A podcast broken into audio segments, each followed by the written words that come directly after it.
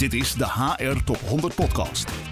Met vandaag als gast. Helene Kuiten, ik ben uh, de HR-directeur van de Royal Schiphol Groep. En uh, nou, dit uh, prachtige bedrijf mag ik in deze rol acht jaar leiden. Leuk, welkom. Heel uh, fijn dat we jou mogen spreken. We hebben jou eerder al een keer gesproken, maar nog niet voor de podcast. Dus leuk dat we dat uh, nu mogen doen. Ik denk sowieso uh, dat heel veel mensen nieuwsgierig zijn naar de, aan de achterkant van Schiphol. Hè? Want als je kijkt naar de pandemie, dan heeft dat natuurlijk het vliegverkeer en alles wat daarbij hoort enorm geraakt.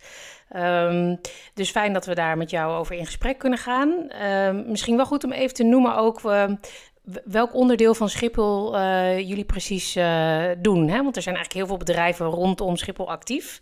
Uh, het is misschien goed om even te zeggen wat, wat jullie core is, zeg maar. Ja, nee, ja de, de Schipholgroep is eigenlijk verantwoordelijk voor alles wat op de grond en niet in de lucht begeeft.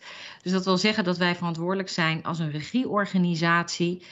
Voor uiteraard natuurlijk ook de inhuur van beveiligingsbedrijven, schoonmaakbedrijven, uh, alles wat rondom uh, Schiphol, uh, zeg maar ook in vastgoed, maar ook de commerciële activiteiten, worden eigenlijk allemaal door de Schipholgroep aangestuurd.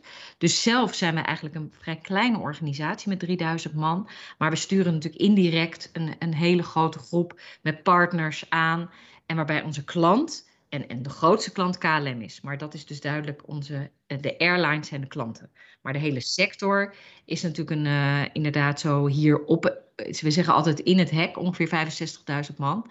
Waar, uh, waar we als sector inderdaad enorm geraakt zijn natuurlijk in het afgelopen. En jullie zitten dus heel erg ingebed in een netwerk. Hè? Het is een echte, echt een netwerkorganisatie. Echt een netwerkorganisatie, ja. ja. ja. Mooi.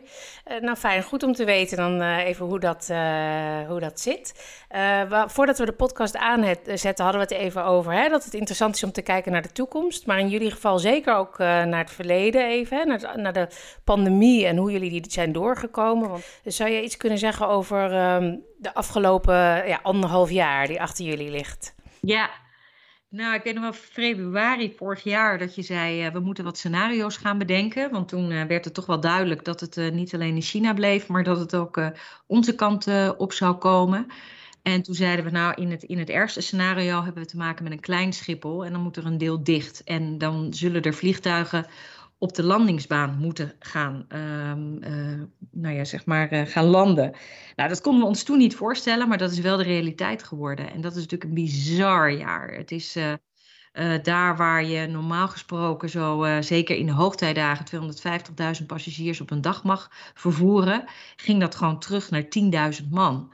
En dat betekent dat je natuurlijk ook van, nou niet alleen dat die vliegtuigen op de landingsbaan kwamen, maar ook onze hele operatie teruggeschaald moest worden. Maar je moet wel open blijven. Dus dat was ook echt, uh, um, nou ja, een enorme, um, en zeker ook natuurlijk voor, de, voor, nou, voor mijn organisatie, de HR-organisatie. Dus aan de ene kant, wat ga je doen met de mensen die normaal gesproken in de operatie werken? Hoe zorg je ervoor dat zij aangesloten ook blijven? En natuurlijk voor de mensen die uh, op kantoor werken. Uh, hoe gaan we dat dan doen met het thuiswerken, met het mogelijk maken? Nou ja, daar hebben we natuurlijk allemaal mee te maken gehad.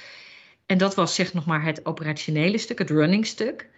Ja, en we werden natuurlijk ook geconfronteerd met het feit van ja, voordat deze sector weer up and running is, zoals het in 2019 was, ja, zitten we echt wel even verder in de tijd. En zullen we dus, um, ja, hebben we natuurlijk voor het eerst ook in de hele geschiedenis enorme verliezen moeten nemen. Ja, en dat ging ook gepaard toch met het afschalen ook van onze eigen mensen. En dat hebben we niet in de operatie gedaan, omdat we ook dachten, ja, als we weer moeten opschalen, zijn dat de eerste mensen die weer klaar moeten staan. Maar natuurlijk wel heel veel in projectmanagement. We hebben heel veel projecten ook stopgezet. En uh, ja, dat heeft er uiteindelijk toe geleid dat we toch 25% van onze mensen hebben moeten laten gaan aan het eind van 20. Um, en niet alleen in afschalen, maar we hebben er ook gebruik van gemaakt om gelijk te zeggen, maar dan gaan we ook ja, zeg maar de efficiëntie in het bedrijf brengen. dat gaf natuurlijk ook een kans om, om te zeggen, niet alleen afschalen. Dus het was adapt and improve. Maar ook laten we nou zorgen dat onze organisatie efficiënter wordt, dubbelingen eruit halen. Je groeit in tijden van bijna luxe, groei je natuurlijk ook een beetje uit. En dat is ook gebeurd. Dus het was ook een transformatie tegelijkertijd. En dat ja, maakt natuurlijk op HR-gebied altijd wel een super interessant jaar. Maar wel heel intens. wat, wat hebben we echt geleerd? Er kan meer virtueel dan je denkt. Creatief gezien mis je elkaar enorm. Dus dat is denk ik wat we allemaal zien, waardoor je toch ook weer graag elkaar wil ontmoeten. En het crisisleiderschap vraagt ook echt iets anders van mensen. Want het, het, gaat, het gaat niet meer over die hoekkamer. Het gaat, niet meer, het gaat over je competentie. Het gaat over je expertise als leider. Wat voel ik? Zit je er goed bij? Is iemand, ook al zit je in een, in een teamsvergadering, is iemand wel of niet afwezig? Voel je dat? Ben je daarop gespind? Gaan we even een rondje lopen in het Amsterdamse bos? En dat maakt die mensgerichtheid eigenlijk misschien nog wel groter dan rennen van vergadering naar vergadering op, op kantoor. En zeg je daarmee ook dat HR een hele grote rol heeft in dat crisismanagement? Want de dingen die je benoemt zijn natuurlijk ook wel echt HR-thema's. Ja. Een beetje de thermometer van de organisatie, hoor ik. Of hè, dat, dat soort ja, eh, onderwerpen. Ook. En, en um, ik denk dat, het, dat wat, ik, wat ik heel mooi vind en waar ik ook ongelooflijk trots op ben, is dat wij die hele, nou ja, dus de hele transformatie gewoon met 100% HR hebben gedaan, onze eigen mensen. Ik weet nog wel eens dat iemand zei: Doe je dat alleen met HR? Weet je wel? Ja, dat doen we alleen met HR, want wij zijn ook van de change en wij kunnen dat ook leiden. Niet met een uh, extern bureau of wat dan ook, wat misschien in het verleden eerder consultancy naar binnen. Het is dus, de beleving is dus ook van de mensen zelf. En uh, daarbij ben je dus leading in het transformatiestuk. Dat deden we ook volledig zelf. Maar je bent inderdaad ook de thermometer. Kan je iets zeggen over waar jullie eh, nu staan? Dus wat de situatie op dit moment is? Dus het afschalen was een lastige. Van, van een bloeiende naar opeens een kern Schiphol. Maar nu in de afgelopen tijd van een kern Schiphol naar weer het Schiphol as usual. Dat is natuurlijk ook een enorme uitdaging. Omdat je, uh, we moesten ook, nou ja, je zou het in, in termen voorfinancieren moeten zijn. Want ja, we wisten wel in de zomer gaat het weer beter gaan we vanuit. Je moet met heel veel onzekerheden rekening houden. Hè, want we, bij spreken, de Delta-variant kikt in en dan heeft dat ook gelijk weer invloed op ons. Dus je gaat ook hier weer met scenario's van opstart en doorgroei. En je moet natuurlijk niet alleen zelf dat weer doen, maar ook met je partners, met de beveiligingsbedrijven, met schoonmaak, met de afhandelaar. Hoe gaan we weer zorgen dat je, uh, dat je weer ook klaar bent? Hè? Want de koppen die natuurlijk nu ook uh, alweer voorbij komen van, nou, hè, kan Schiphol het, aan? Ja, we kunnen het aan, maar we hebben wel echt beperkingen. Want um, kan je wel of niet anderhalve meter afstand? Als wij allemaal anderhalve meter afstand moeten houden op Schiphol, dan begint op de A4 begint de rij. Want je hebt het inchecken uh, je moet die PCR-test laten zien, je moet je gezondheidsverklaring. Dat kost dus veel meer tijd. Dus wat gaan mensen doen? Met z'n allen eerder naar Schiphol komen, dan hoopt het op. Dus logistiek is het een, uh, een behoorlijke uh, operatie. Nou, waar zijn we goed in? Dat. Dus wij zeggen ook, we kunnen het aan. Maar daar heb je wel met elkaar enorm wat te doen. Met de airlines daarin om te zorgen dat je uiteindelijk weer door kan groeien. En, uh, en operationeel mensen, maar zeker in uh, nou ja, wat wij dan, uh, dus de, de, de, de dagdienstfuncties, zoals dat zo mooi heet, dus op kantoor. Ja, daar moeten mensen leren ook om nee te zeggen of om prioriteit te stellen. Dus portfolio management toe te passen. Is dit nu echt de hoogste prioriteit? Want we zijn met minder. Nou ja, dat is waar we nu in die fase zitten. En waar wij uh, nou ja, ook vanuit HR met een aantal change agents werken om dat te begeleiden. Want structuur is één, uh, de mens is twee, maar de echte efficiëntieorganisatie bouwen kost natuurlijk langere tijd. Ik ben bang als we niks doen, dan is gewoon op 1 september, gaat iedereen weer 9 tot 5. Zit die dinsdag weer vol, zit die donderdag weer vol, is de vrijdagmiddag hier weer totaal leeg. Want het gedragscomponent ja, dit hebben we allemaal 30 jaar gedaan, hè? dus anderhalf jaar niet, is niet dat je opeens met z'n allen enorm gewend bent aan, oké, dan gaan we het nu zo doen. Mensen geven nu aan, gemiddeld, wil ik wel twee tot drie dagen thuiswerken. Ik weet niet of dat zo blijft als we niks veranderen. Dus ik denk, nou ja, dus we zijn ook echt in onze visie op werken, hebben wij, uh, hebben wij daar echt staan dat je de gedragscomponent en dat je het ook, ook echt het gebouw moet aanpassen om ervoor te zorgen dat je ook echt, ja, dat die goede dingen die we nu geleerd hebben, dat die niet vervagen. Ja, en hoe doe je dat? Want dat lijkt me inderdaad een uh, heel lastig uh, uh, ja, verandertraject. Nou. Ja, Nee, dus het verandertraject is nu dat we zeggen van nou tot 1 september is het dus, houteren wij nog steeds thuiswerken tenzij. Weliswaar met een grotere ruimte om dus te kunnen boeken, reserveringssysteem, dat soort dingen.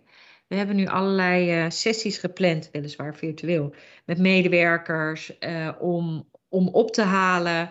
Oké, wat, wat, zijn, wat zijn wensen, wat zijn logische wensen, wat, wat, nou, wat is haalbaar? Uh, en we hebben ook, um, en dat gaan we dan pas in 22 doen, om te kijken hoe wij weliswaar met minimale middelen toch het gebouw kunnen aanpassen, om dan uiteindelijk ook echt naar een ander type werk te kunnen. Nou, uh, bekende kreet, activity-based werken, gaat bij ons ook gebeuren. De activiteit bepaalt waar je bent. En in de hiërarchie is het eigenlijk dat we zeggen, we hebben een paar golden rules, waar je, die we op nou, ik zeg maar op bedrijfsniveau afspreken. Maar dat is niet beperkend. Dat is, nou ja, dat is gewoon, joh, hier heb je mee te maken. En daarbinnenin ga je als afdeling met elkaar zeggen: oké, dat gegeven, hoe gaan wij nou met elkaar daar de juiste invulling aan En zo'n golden rule is dan bijvoorbeeld hè, uh, zoveel activity-based werken. Hè? Dus uh, je meetings op kantoor, je, zo, zoiets. Ja. ja. Een golden rule kan, want we gaan ook um, nou, bijvoorbeeld, hè, maar dat zijn nog dingen waar we nu hard aan het werk zijn en wat we aan het testen zijn, vergaderingen niet meer om negen uur laten starten. Want begin nou virtueel, want daarmee kan je file. Ja. Maar als heel Nederland dat doet, hebben we daar weer een probleem. Dus nou ja, hoe ga je dat doen? Zorg ervoor dat je spreidt over de dagen en niet meer alleen de dinsdag en de donderdag. Voorheen was het zo dat mensen een thuiswerkdag hadden. Kon het ook wel eens zijn dat ze dan bijna niet bereikbaar waren. Omdat, omdat ja, dat was nog een beetje, nee, je doet gewoon mee. En hoe gaan we om met hybride vergaderen? Ja, ja. Ja vind ik ook een ingewikkelde, eerlijk gezegd. Hebben wij nu, uh, ik word er niet nog heel blij van. Maar misschien moeten we daar nog iets nieuws voor bedenken. Als we dat, nou ja, beter kan. Mij merk je steeds meer, als er bijvoorbeeld een presentatie gegeven wordt, kan je heel goed hybride werken. want dan kan jij het volgen. Zodra een discussie is het gewoon niet fijn dat jij virtueel bent en er zes man in de vergadering nee. Dat werkt gewoon niet. Nee, echt niet. Nee, je krijgt ook de helft mee als je online zit. Ja, maar en dan je, denk je... Maar je zegt dus eigenlijk, je hebt een kader, hè? dat zijn die rules. En, die, en als afdeling mag zelf invullen, hè? vult in hoe... Uh, en, en zeggen jullie dan ook bijvoorbeeld, je hebt zoveel bezetting, hè? want jullie hebben nu een vleugel bijvoorbeeld. Hè? Dus je zegt, je, je mag altijd met 40% er zijn, of uh, zit dat er ook bij? Ja, dat zijn... ja dus we gaan er inderdaad, uh, ook omdat we het gebouw anders gaan inrichten... Ja, maar wat je nu dus merkt al, is dat er behoefte is aan echte nou ja, concentratieplekken. En grote, eigenlijk het, het ontmoeten. Eigenlijk staat centraal dat we zeggen, als je naar kantoor gaat. Hè, en dan hebben we het even niet over het operationele personeel. Nee, dat precies. Maar het kantoor, dan kom je hier om te ontmoeten, om andere mensen. Als je in je eentje je e-mail gaat doen, dat kan als je thuis niet kan concentreren, want dat hebben we ook in de afgelopen tijd gehad. Maar dan kan je, als het even kan, doe dat lekker thuis. Want ruimtes zijn niet meer zo dat iedereen kan zitten. Daar, daar zullen, dus waarschijnlijk zullen we nog steeds wel met, of in, de, in ieder geval de komende periode, nog met het reserveren rekening houden. Maar ook reserveren van, uh, van grotere ruimtes. Dus dat zijn. Um, dat zijn de dingen die uh, voorheen hadden nog wel eens directeuren eigen kamers, die zijn afgeschaft. Ja, ja. ja. Dus uh, ja, er zitten ook wel wat heilige huisjes die we ook gelijk even meepakken. Ja, om die, precies. In die, ja, mooi. En voor jullie operationele mensen, hè, verandert het natuurlijk op termijn denk ik weinig. Hè? Of, of zie je daar ook veranderingen? Ik kan me voorstellen mondkapjes misschien of desinfecteerd handen geven, dat blijft misschien nog wel heel lang weg. Maar hoe zien jullie dat? Wat is jullie verwachting? Ja, de verwachting is uh, dat, uh, um, nou voorlopig blijven inderdaad de mondkapjes nog op Schiphol. En uh, waar kan, anderhalve meter afstand, waar het niet kan, niet. Je ziet dat beveiliging, um, nou ja, hè, die, die nog op een andere manier, be, ehm, zeg maar, de beveiliging doen. Om niet rechtstreeks in het gezicht van, van passagiers. Maar ja, eigenlijk gaan we ervan uit dat alle passagiers dan wel gevaccineerd, dan wel getest. Dus in feite wordt het straks misschien wel een van de veiligste plekken van Nederland. Ja, ja. Want ja, er is bijna niemand die er loopt die, uh, hè, nou ja, sowieso is natuurlijk nu de, eh, de graad heel laag van besmettingen, maar zo kijken we er wel tegenaan. En uh, ja, en wij gaan wel helpen. En daar hebben we ook nu de operatie. Want operationele mensen hadden natuurlijk een afvallen. Als je ze in 19 zeiden ze. Het aantal passagiers is gewoon zo heftig zoveel dat ze dat het te veel was. Nu smeken ze weer om passagiers, omdat hun diensten, het is best lang als je heel weinig mensen ziet. Maar die overgang. Dus daar hebben we ook echt wel even aandacht aan gegeven. Ik denk dat we dat allemaal, ik weet niet hoe jij het ervaart, maar ik laat iemand en die gaf mij een hand. En ik, ik was een beetje onthand. Ja, ja, ja. Hoe ga ik hier nou mee om? En um, houden jullie rekening met een Schiphol, uh, met de oude groeidoelstellingen, zeg maar? Of denken jullie dat er wel uh, dat bijvoorbeeld uh, vakantie, vliegverkeer echt minder gaat worden. ik hoor bijvoorbeeld mensen zeggen, ik ga nooit meer voor een business meeting naar Dubai. Misschien is meer het, het zakenverkeer. de verwachting die ik hoor van veel HR-directeuren is, we zullen wel wat minder gaan reizen. Is dat ook waar jullie rekening mee houden? Ja, dat is natuurlijk echt wel iets waar de airlines natuurlijk met name heel erg mee, uh, mee bezig zijn. Um, kijk, nu is, is de eerste stap sowieso dat internationaal weer open zal gaan. Hè. We, we smachten ernaar dat Amerika weer zegt van uh, Europeanen, jullie mogen ook onze kant op komen, andersom mag. Dus dat is denk ik stap één. Ik denk inderdaad dat, dat uh, een weekendje New York of voor één meeting, dat mensen denken, dat ga ik niet meer doen. Ik denk nog wel dat het is dat je zegt, nou, dat doen we niet meer elke keer, maar je team een keer ontmoeten in het jaar. Dus ik zou me wel kunnen voorstellen dat dat deel af, uh, afschaalt. Uh, ik hoor ook dat um, het vakantieverkeer en mensen die uh, smachten om weer ja, de wereld in te trekken, ja, die is denk ik niet heel onveranderd. Ook al zullen er ook zeker mensen zijn die denken, nou, weet je, moet ik nu wel, maar dat, dat is ook al jaren. Hè, is vliegen wel de meest verantwoorde manier van, uh, van verplaatsen? En nou ja, dat, dat, dat hebben we ook al eerder gezet. Alles wat uh, binnen 500 kilometer loopt, zou je wellicht ook heel goed met treinen kunnen. Alleen treinen zouden dan wellicht wat aantrekkelijker gemaakt moeten worden. Dus ja, weet je, we, we verwachten nog steeds wel dat, um, dat we terug gaan komen naar het niveau van 2019.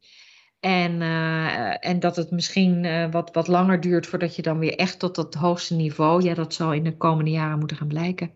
Ja, nou, ik ben heel benieuwd. Maar het, dat raakt misschien ook aan dat verander, uh, veranderingsaspect wat je net noemde. Hè? Dus als alles weer kan, en net als je kan weer gewoon een kantoor, dan doen mensen dat ook misschien gewoon ook weer. Dus, ja. Ja, dat kan ik me ook voorstellen. Leuk. Nou, we hebben heel veel besproken. Is er iets wat we nog niet besproken hebben, wat wel leuk is om te vertellen nog? Nou, volgens mij hebben we van, van afschalen naar opschalen naar, uh, ja, in mijn ogen, en daar uh, denk ik echt een essentiële rol van HR om, nou, om ook te zorgen dat je de lead pakt in dit soort tijden. En, nou, en ik denk dat dat, ja, dat, dat is ook, vind ik, prachtig aan het afgelopen jaar. Hoe zwaar het ook is om altijd met, met zeker met reorganisaties te dealen en, en de opstart weer. Maar, en, het, en het biedt ook echt enorme ontwikkelingsmogelijkheden voor onze eigen mensen. En uh, nou ja, nu naar voren de, de, visie op het huiswerken, wat thuiswerken, weer kantoor, geeft ook weer, weer nieuwe dimensies. En dat is het grappige, dat als je midden in die crisis zit, denk je, wat doen we nou eigenlijk altijd anders, weet je wel, als HR-afdeling. En zodra, zeg maar, 1 maart was, komen de thema's als nou, strategische workforce planning. We moeten zorgen dat we de goede mensen, onze talentontwikkeling, perspectief bieden visie op. Denk, oh ja, dat deden we dus. ja, ja, En, uh, ja. Dan zijn we, weer, uh, zijn we weer bij hele mooie HR-thema's die we ook kunnen om, uh, omarmen. Dus nou ja, ik denk dat dat een beetje de in nutshell is waar we mee bezig zijn geweest. En waar we nu naartoe gaan. Leuk, leuk. Leuk om te horen. Heel erg bedankt voor het delen van je visie. En we, we komen graag weer een keer terug om dan te horen over die meer reguliere thema's. Hè? Hoe die uh, zich dan uh, ontwikkeld hebben. En uh, ja, heel veel plezier om daar ook weer mee aan de slag te gaan dan. Dankjewel. Helemaal goed.